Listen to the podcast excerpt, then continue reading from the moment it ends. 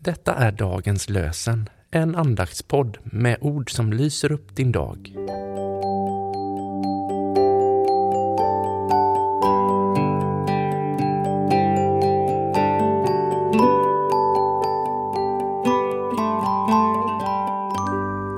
Det är söndag den 6 augusti, nionde söndagen efter trefaldighet.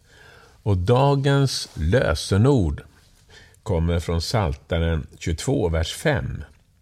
På dig förtröstade våra fäder. De litade på dig och du kom dem till hjälp. På dig förtröstade våra fäder. De litade på dig och du kom dem till hjälp. Och från Jakobs brev 5 och 11. Herren är rik på medlidande och barmhärtighet.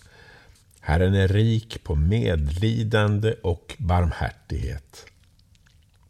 Guds barmhärtighet är vidsträckt som det öppna havet.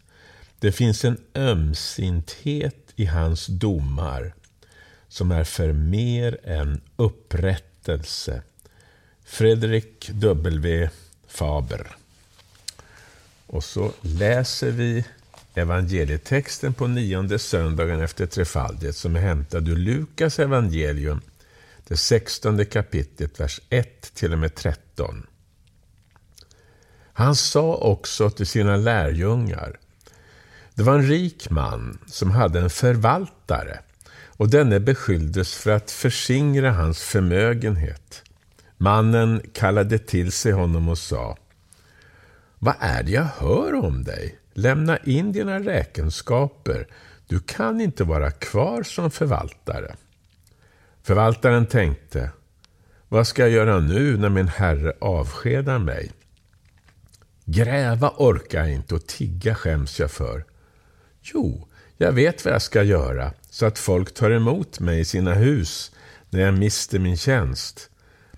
Han skickade efter dem som var skuldsatta hos hans herre, en i sänder, och frågade den förste hur mycket han var skyldig. Hundra krus olja, svarade mannen. Då sa han, här är ditt skuldebrev. Sätt dig genast ner och skriv 50. Sen frågade han näste man, och du, hur mycket är du skyldig? Hundra tunnor vete. Då sa han, här är ditt skuldebrev. Skriv 80. Och Herren berömde den ohederlige förvaltaren för att han hade handlat klokt. Denna världens människor beter sig klokare mot sina egna än ljusets människor gör. Ja, jag säger er, använd den ohederlige mammon till att skaffa er vänner som tar emot er i evighetens hyddor när mammon lämnat er i sticket. Den som är trogen i smått är trogen också i stort och den som är ohederlig i smått är ohederlig också i stort. Om ni inte har varit trogna i fråga om den ohederlige mammon, vem vill då anförtro er det som har verkligt värde?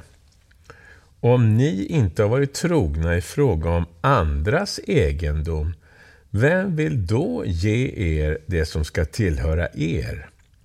Ingen tjänare kan tjäna två herrar. Antingen kommer han att hata den ene och älska den andra, eller att hålla fast vid den ene och inte bry sig om den andra. Ni kan inte tjäna både Gud och mammon. Låt oss be. Herre, ge oss öppnade ögon så att vi kan avslöja när mammon får inflytande i vårt liv.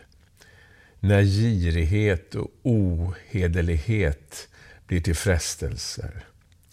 Låt ditt ljus lysa in och hjälp oss att vända blicken mot dig som ger oss allt vad vi behöver. Lär oss vad förnöjsamhet och tacksamhet är. Amen. Herren välsigne dig och bevare dig. Herren låter sitt ansikte lysa över dig och vare dig nådig. Herren vände sitt ansikte till dig och ge dig frid. I Faderns och Sonens och den helige Andes namn. Amen.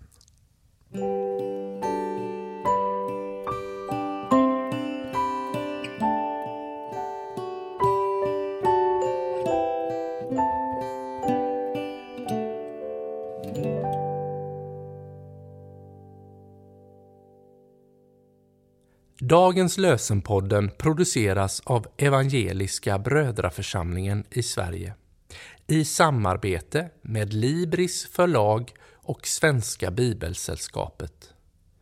Bibeltexterna är hämtade från Bibel 2000. Stötta gärna vår podd genom att gå in på hemsidan dagenspodd.se. Där finns information om oss som medverkar och alla episoder finns att ladda hem där. Du kan också lämna ett ekonomiskt bidrag till poddens framtid, vilket vi vore väldigt tacksamma för.